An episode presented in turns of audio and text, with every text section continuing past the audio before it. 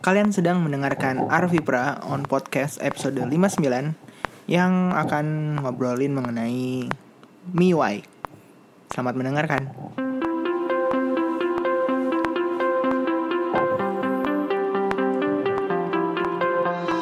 Oke, jadi semua apa kabar? Gimana uh, aktivitas kalian? Gimana kabar kalian? Apakah baik-baik saja? Semoga dalam eh semoga selalu dalam lindungan Allah Subhanahu wa taala. Amin. Hmm, jadi uh, sebelum mulai masuk ngebahas something something, gue pengen mengucapkan terima kasih sebanyak banyaknya. Uh, jadi kan uh, gue ini ya apa si SoundCloud ini punya statistik itu terus dia punya fitur yang dia bisa ngeliat siapa yang uh, always dengerin di bulan itu. Jadi untuk bulan Januari kemarin uh, terima kasih kepada uh, Bro Rudy Gunawan yang aktif mendengarkan Arwi on podcast. Semoga bermanfaat. Kalau misalkan ada something mungkin bisa tanya-tanya uh, atau kita ngobrol bareng mungkin ya seperti itulah. Kayak gitu. Jadi hmm, ya mungkin ntar bulan Februari juga gue apa ya gue ini uh, sebagai apresiasi lah katakanlah seperti itu. Oke uh, jadi kondisi gue sekarang lagi terlalu kenyang karena gue baru nyobain uh, salted egg-nya KFC jadi KFC pakai bumbu salted egg di mana emang KFC ini uh, lagi seneng eksperimen ya. Dulu ada yang pakai sambal yang pedes terus sempat pakai keju terus yang aneh tuh pakai coklat. Dan yang paling baru ini pakai salted egg gitu. Telur asin. Gitu lah. Jadi ya lumayan sebenarnya lumayan enak. Cuman uh, entah kenapa mungkin karena telur asin ya rasanya menurut gue jadi lebih asin dibandingkan uh, hot crispy biasanya. Terus apa lagi ya? Uh, sih uh, sama si ayamnya nggak nggak aneh-aneh banget nggak bukan nggak aneh banget justru nggak sama sekali nggak aneh. Dan ya terima kasih buat uh, Farah dari F Talk podcast yang ngasih tau gue tentang apa salted egg KFC ini. Gue langsung makan dan ya itu lumayan lah buat apa namanya uh, variasi-variasi makanan seperti itu. Kalian kalau misalnya nyobain cobain deh.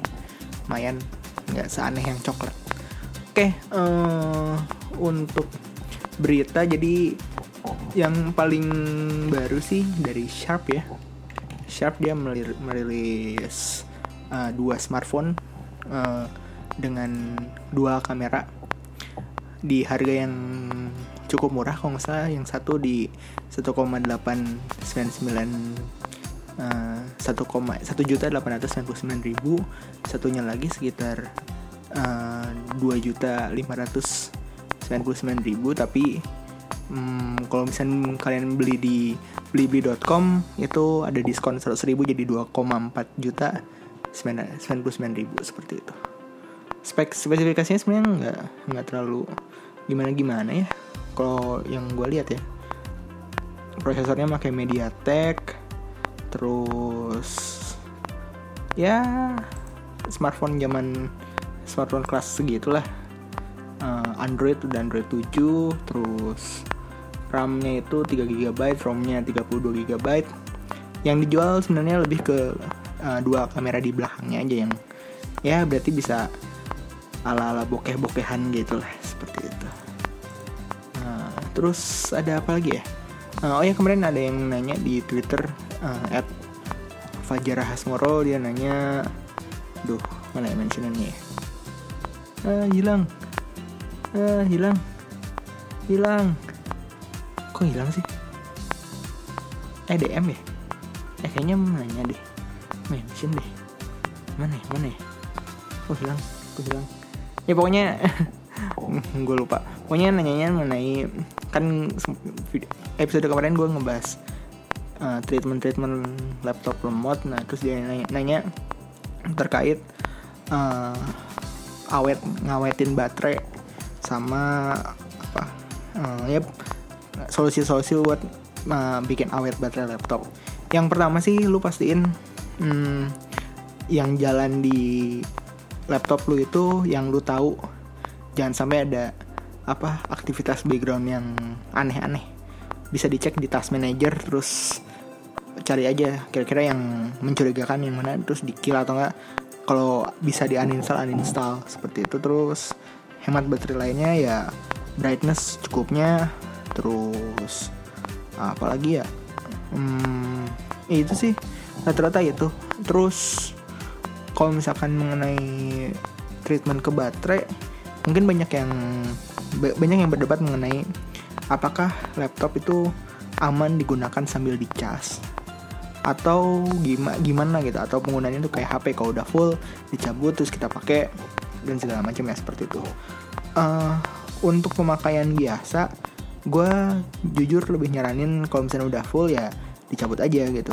Eh, nggak uh, usah uh, dicas dulu karena uh, terkecuali kalau misalkan kalian membutuhkan baterainya untuk dipakai keluar terus ya udah berarti ya boleh lah sambil dicolok dan segala macam. Cuman ya sebisa mungkin habis penuh sih cabut aja sih uh, biar apa ya biar uh, satu ngecas itu tuh pasti bawa panas. Jadi si baterainya jadi apa namanya uh, suhu baterainya jadi nggak nggak adem gitu ya nggak nggak maksimal uh, si kinerjanya seperti itu. Terus apalagi ya uh, koms tapi kecuali kalau kalian suka main game di laptop itu gue sangat saranin dicolokin aja soalnya uh, pengaruhnya ke performance dan maksudnya kalau dicolokin tuh si uh, laptopnya kan akan akan masuk ke mode high performance dan itu ya membuat experience gaming kalian lebih nyaman gitu dibandingkan nggak pakai nggak dicolok gitu seperti itu. Jadi ya itu sih. Uh, yang pasti baterai semua semua elektronik pasti punya umur jadi kalau misalkan udah ngerasa ada yang aneh sama baterainya yes. Ganti kalau bisa ganti sama yang ori. Kalau ya minimal OEM lah seperti itu. Ya itu sih jar. Terima kasih atas pertanyaannya. Uh, ah, gue jauh di podcast aja ya. Gitu. Oke okay. uh, eh, udah ya. Berarti langsung kita masuk kembali. Jadi pengen gue pengen ngebahas mengenai MIUI. Gue pengen ngebahas mengenai MIUI kenapa? Uh, jadi gini di episode Mi Ewan itu gue sempet review Mi Ewan gue pernah bilang kalau misalkan gue cukup menghindari MIUI uh, gue emang lebih suka di stok Android atau AOSP gitu ya. Uh, seperti itu. Nah di sini gue pengen ngejabarin lagi kenapa gue cukup menghindari MIUI tersebut. Jadi ya sebelumnya gue pengen ngasih tahu kalau misalnya ini uh, pure subjektivitas gue aja ya seperti itu. Uh, terus misalnya kalau misalnya yang nanya tapi bang kenapa yang ditaruh di judul cuma MIUI aja? Kan lu juga kurang serk sama UI yang lain gitu kan. Ya soalnya di antara semuanya yang paling nyebelin menurut gue ya MIUI gitu. Ya ya gitu gitu. Oke yang nggak mau dengar silahkan mundur. Yang masih mau coba memahami ya kita bisa tuh bisa dengerin baik-baik dan kalau misalnya ada pertanyaan atau apa langsung kirim aja ke gue gitu seperti itu ya. Oke terima kasih. Uh, oke. Ada yang bilang tak kenal maka tak sayang gitu kan. Ya banyak juga sih yang bilang ke gue coba dipakai dulu aja om. Pasti nanti juga betah pasti nanti juga suka dan segala macam. Jadi buat yang belum tahu uh, sebelum adanya smartphone Xiaomi ini uh, mereka tuh sebelumnya tuh bikin MIUI lebih dulu dibandingkan HP-nya gitu. HP-nya tuh kalau misalnya baru ada setelah MIUI 3 kalau nggak salah di Mi 1 gue juga gue lupa gue juga lupa cuman ya itu uh, si MIUI-nya ini lebih dulu uh, dia hadir sebagai custom ROM uh, yang bisa dipakai di device-device Android seperti dari brand HTC, Samsung, Sony, Sony Ericsson, dan banyak lainnya lah.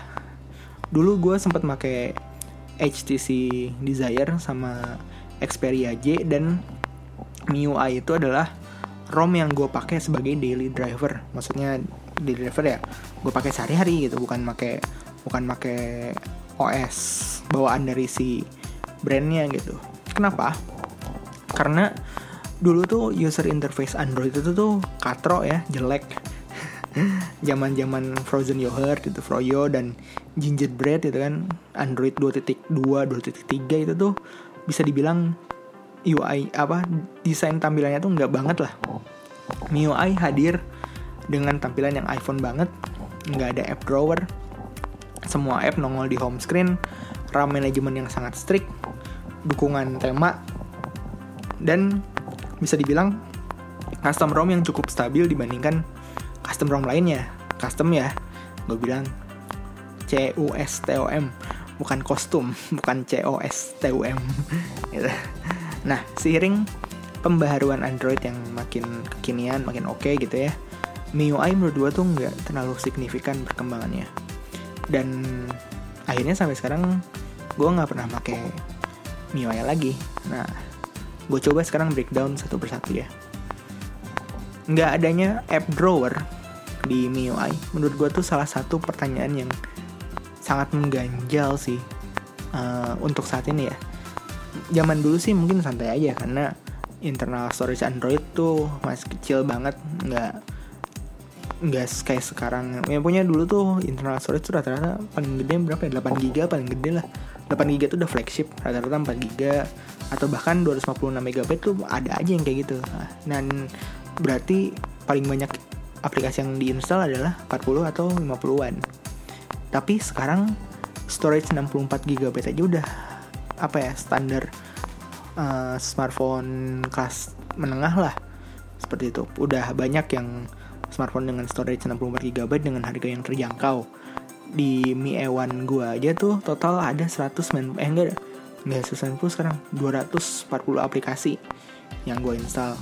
Uh, ya coba bayangin aja 240 aplikasi nongol semua di home screen. Ngaturnya males banget ribet banget itu kan. Emang sih bisa di hide bisa disembunyiin gitu kan.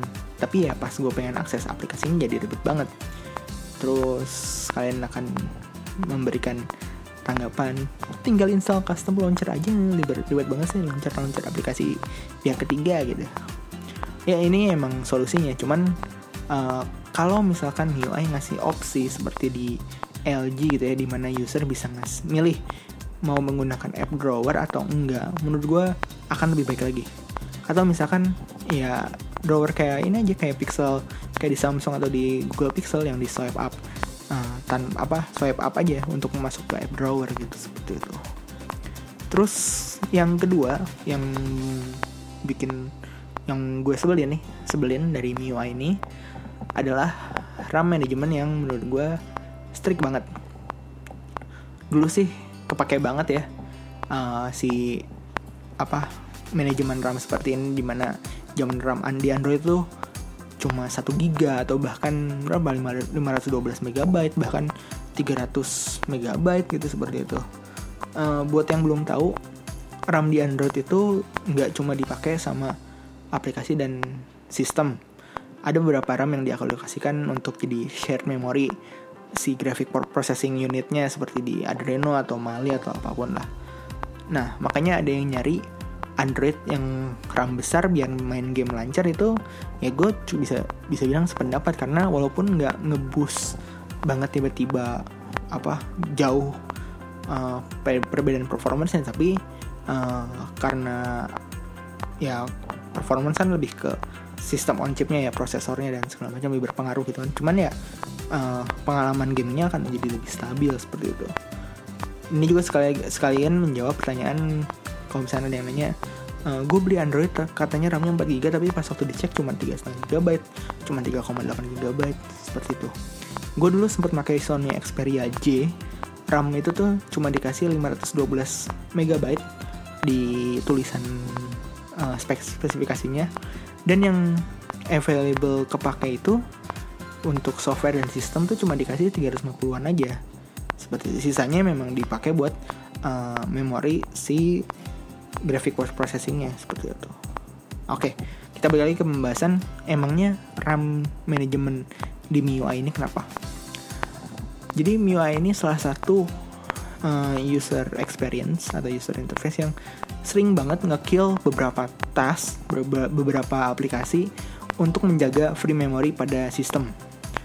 Biar uh, aplikasi yang kita pakai itu atau gimana ya. Jadi caranya biar aplikasi yang kita pakai itu nggak ngekill nggak kekill otomatis nggak nggak dihapus sama si MIUI nya itu tuh harus dikunci dulu via recent apps yang kalau misalkan kalian punya Xiaomi mungkin buka recent apps terus di swipe ke atas ya kalau salah ya, biar ngekunci ada ada gemboknya. Nah itu tuh si aplikasinya nggak akan ke kill nggak akan dimatiin seperti itu. Nah jadi itu tuh karena ada beberapa fitur-fitur MIUI yang namanya Smart Adjust Manager jadi si fitur ini tuh nge-scan uh, aktivitas-aktivitas yang sedang aktif dan juga berjalan apa berjalan di background dan menggunakan resource yang besar gitu ya dan pada saat itu kita membutuhkan uh, tenaga untuk menjalankan aplikasi yang lain. Maka dia langsung ngekill si aplikasi tersebut gitu tanpa babi bu tanpa tanpa ada permisi tanpa ngat apa ngelihat kalau apakah aplikasi ini memang sering dipakai oleh user apakah aplikasi ini adalah aplikasi yang memang harus berjalan di background dan segala macam. Ada juga fitur yang namanya trim yang kerjanya itu aktif mindahin uh, aplikasi-aplikasi ke cache ke cache uh, memo apa storage gitu biar siramnya nggak cepat penuh.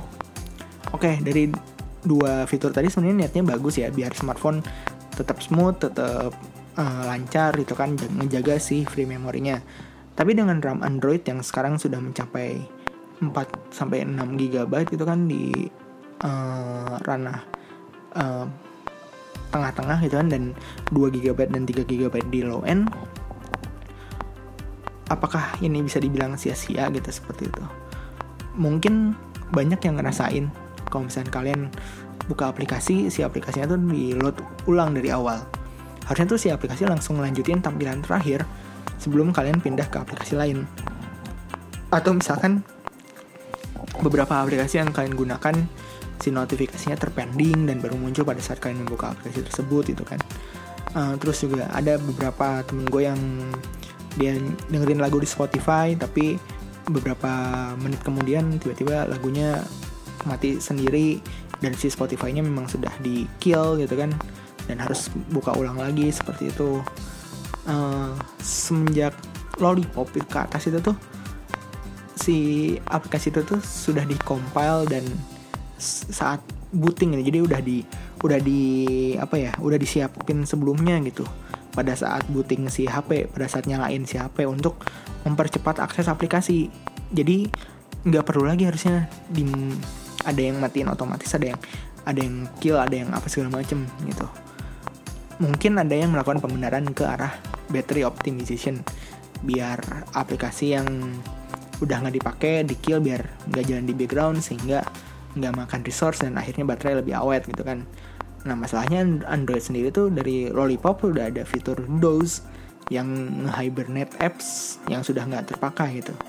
Jadi harusnya yang beginian sih nggak perlu perlu apa ya kayak mubazir gitu loh nggak nggak menyesuaikan perkembangan zaman.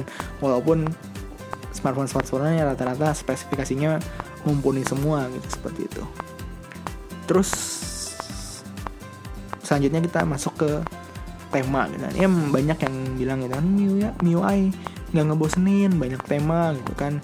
Bisa diatur uh, sesuai dengan kemauan kita seperti itu. Oke ini gue setuju.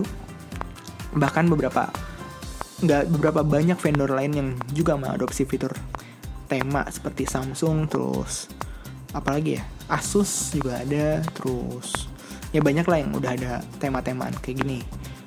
Nah karena MIUI perkembangannya udah udah lama gitu ya jadi pilihan temanya mungkin lebih banyak dan si yang bikinnya juga udah udah udah banyak gitu yang bikinnya gitu kan. Dan yang di, bisa diganti tuh nggak cuma icon sama wallpaper tapi font dan beberapa tampilan-tampilan menu gitu segala macem yang biasanya membutuhkan akses root untuk modifikasinya tuh bisa diganti gitu sama si MIUI ini Nah, untuk poin ini memang gue serahkan ke subjektivitas masing-masing. Mungkin karena gue sendiri suka lebih suka hal-hal yang seragam, rapi, tertata, nggak aneh-aneh gitu dan segala macam apa gue menjunjung tinggi dictatorship gitu. Jadi gue lebih uh, suka material design dari Google gitu yang dijadikan design language panduan Google untuk developer saat membuat aplikasi gitu. Tapi ini masalah selera aja gitu kan. Mungkin kalian lebih suka icon-icon yang rebel gitu yang wah uh, edgy, yang warna-warni gitu kan yang menggunakan terus menggunakan font yang kayak tulisan tangan terus miring-miring italic gitu ya. Mungkin kalian suka kayak gitu ya. Uh, ya itu gue sih nggak bisa apa nggak bisa protes sih seperti ya gue berharap MIUI bisa memanfaatkan fitur adaptive icon yang ntar ada di Android Oreo. Walaupun kita nggak tahu kapan. MIUI masuk ke Android Oreo. Speaking of Android Oreo berarti kita uh, salah satu yang membuat gue uh, apa ya menghindari MIUI ini juga adalah dukungan softwarenya. Ada yang bilang Xiaomi ini rajin banget ngasih update. Bahkan device yang lama pun masih dapat MIUI versi terbaru. Uh, yang gue lihat sih MIUI ini mirip-mirip iOS ya. Uh, OS-nya iPhone yang ya OS-nya iPhone dalam distribusi update softwarenya. Device lama masih dapat MIUI apa ya MIUI versi terbaru tapi ada beberapa fitur yang dipangkas gitu. Contoh kasus yang terbaru mungkin kan beberapa device tuh udah dapat MIUI 9 official ya kayak uh, Redmi Note 4 Snapdragon udah dapat Redmi 4X Redmi 4A uh, eh, terus ya banyak banyak lah yang lainnya gitu. Nah Redmi Note 3 juga dapat tapi sayangnya dia ketahan di uh, apa ya dia ketahan di marshmallow sehingga fitur split screennya nggak bisa digunakan. Seperti itu. Ini karena memang split screen itu hanya ada di eh memang sudah diperkenalkan di Android Nougat untuk semua device. Seperti itu bukan eksklusif MIUI cuman ya apa namanya karena si Redmi Note 3 ini MIUI 9 nya berbasis Marshmallow belum Nougat jadi nggak dapat juga tuh fitur split screen. Jadi kayak gue sempat nanya ke gadget at gadget gaul uh, rata-rata yang dikasih ya paling optimisasi uh, apa software nge-fixing bug sama ini apa namanya icon yang lebih baru udah gitu doang nah gue sih apa ya kalau misalkan si versi Androidnya nggak naik atau cuman fixing bug atau cuman atau katakanlah security patch doang gitu kan uh, kenapa sih si versi MIUI-nya ikutan naik gitu. Kenapa nggak tetap MIUI 8 aja gitu seperti itu. Toh itu kan emang cuman minor update kan. Nggak banyak-banyak apa namanya yang berubah gitu seperti itu. Nah, ya gue tak gue tuh takutnya dan memang sudah terjadi juga sih karena uh, apabila ada update itu um, memberikan tampilan yang baru jadi semua orang tuh mikirnya kayak oh kalau misalkan kayak gitu um, kalau misalnya gue dapet update berarti tampilan gue bakal beda nih. Bakal ada yang baru nih bakal nggak ngebosenin nih. Padahal nggak selamanya gitu. Kalau misalnya lu punya Google Pixel atau Android dengan versi stok gitu ya yang dapat update terus ya perubahan dari lollipop ke Oreo eh lollipop ke Oreo nougat ke Oreo tuh nggak secara tampilan tuh nggak banyak banyak banget. Hmm, dikit malahan. Uh, lebih ke uh, fitur-fitur yang baru dan uh, optimalisasi software seperti itu. Kayak gitu. Nah terkait software ini juga si MIUI ini sebenarnya uh, sering menyalahi kode etik open source software karena dia lambat bahkan uh, kadang suka nggak nggak mengeluarkan kernel source untuk device-device yang sudah dia rilis gitu. Hal ini tuh menyalahi aturan apa ya namanya GPL V2 dalam hal aksesibilitas software open source. Android ini kan basisnya menggunakan Linux, kernelnya ini pakai kernel Linux. Nah, uh, dengan menggunakan Linux kernel ini, semua vendor mewajibkan untuk mengunggah kernel source-nya setelah device-nya rilis. Contoh paling nyata yang gue rasain ya si Mi A1 ini, walaupun menggunakan stock Android, ternyata uh, development softwarenya masih dipegang sama Xiaomi. Dan si kernel source-nya itu baru dirilis uh, minggu kemarin. Seperti itu. Pas waktu peluncuran Mi Mix 2 Mr. Jaimani uh, eh, punya something somethingnya si Omi lah. Ditanya XDA terkait kernel source Mi A1 katanya beliau janji akan merilis kernel source paling lama tiga bulan. Terhitung dari uh, awal rilis. Dan ternyata uh, kejadiannya lima bulan seperti itu. Dan itu pun katanya kernel source-nya masih bagi masih banyak masih banyak bug dan lain-lain. Dan dibandingkan pesaingnya Lenovo Moto G5S Plus yang merilis kernel source-nya seminggu setelah si HP-nya udah bisa dibeli seperti itu. Ya jadi menurut gue sih uh, itu alasan kenapa gue menghindari uh, ini sih MIUI gitu kan. Uh, kenapa gue meng-highlight MIUI aja? Karena beberapa vendor lain ada yang banyak yang udah tobat gitu kan. Kayak misalnya Samsung dengan Grace UX atau sekarang namanya jadi Samsung Experience. Zaman zaman dulu tuh namanya TouchWiz itu tuh norak banget. Ikonnya jelek. Nggak ada perubahan dari zaman Samsung Omnia yang OS-nya tuh Windows Mobile uh, berapa tuh? Windows Mobile 6 setengah kalau nggak salah. Sampai S7 kemarin tuh udah hampir berapa tuh? 20 tahun nggak ada perubahan sama sekali. Dan di Greso UX dan di yang diperkenalkan di Samsung S8 menurut gue lebih mendingan. Dan si bloatware bloatware yang Samsung yang dikasih Samsung itu bisa di uninstall kalau nggak salah. Seperti itu. Terus juga selain Samsung juga uh, Asus dengan Zen UI uh, udah tobat juga dia mengurangin bloatware. Kalau misalnya ada aplikasi yang disediakan sama Google dia pakai aplikasi yang Google aja. Sisanya kayak misalnya kamera galeri dan segala macam di apa dibikin sama Asusnya sendiri. Cuman yang kalau misalnya udah ada yang Google udah punya kayak misalnya kalender dan segala macam ya masih make yang punya Google aja seperti itu terus HTC juga walaupun sekarang emang sudah dibeli Google juga ya. Lenovo juga mengumumkan akan uh, mengikuti lini moto yang menggunakan stok Android itu kan. Yang paling asik sih menurut gue Nokia sih.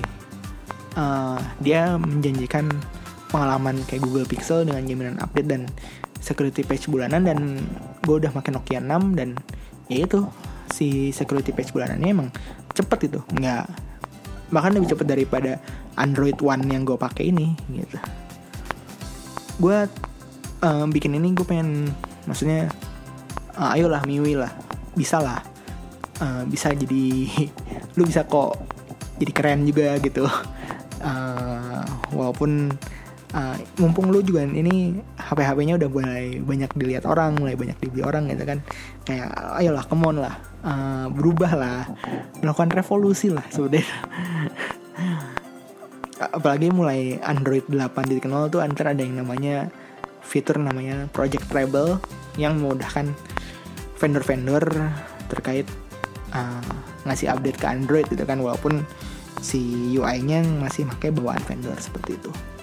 Jadi ya uh, ini gue bikin memang khusus untuk MIUI. Uh, gue suka pakai MIUI waktu dulu dan uh, gue pengen banget make sayangnya ya seperti itu yang gue jabarin tadi gitu kan. Kalau misalkan mau apa ya uh, mencoba expe mencoba apa hal-hal baru mencoba experience lebih ya gue tunggu sih seperti itu. Di MIUI 10 itu kayaknya bisa jadi momentum yang baik. Ngasih nama MIUI X dengan banyak fitur-fitur yang apa ya yang uh, jawaban dari apa yang gue kritisi tadi sebelumnya gitu seperti itu oke itu aja untuk minggu ini Maaf kalau misalnya ada kata-kata yang tidak berkenan. Kalau mau ngomel, kritik, saran, cacian, makian, uh, bisa kirim email ke kotak surat at arvipra.my.id atau DM di Instagram, di line official account, di Twitter, dan segala macam boleh. Berlaku juga buat kalian yang bingung terkait gadget dan teknologi atau mau request materi. Uh, gue tunggu tanggapan dari kalian. Terima kasih sudah mau mendengarkan. Selalu ada episode baru setiap Selasa pagi kalau mau follow sosial media Arfi Puran Podcast silahkan ada di Instagram, Line Official Account, Facebook Page, dan Twitter.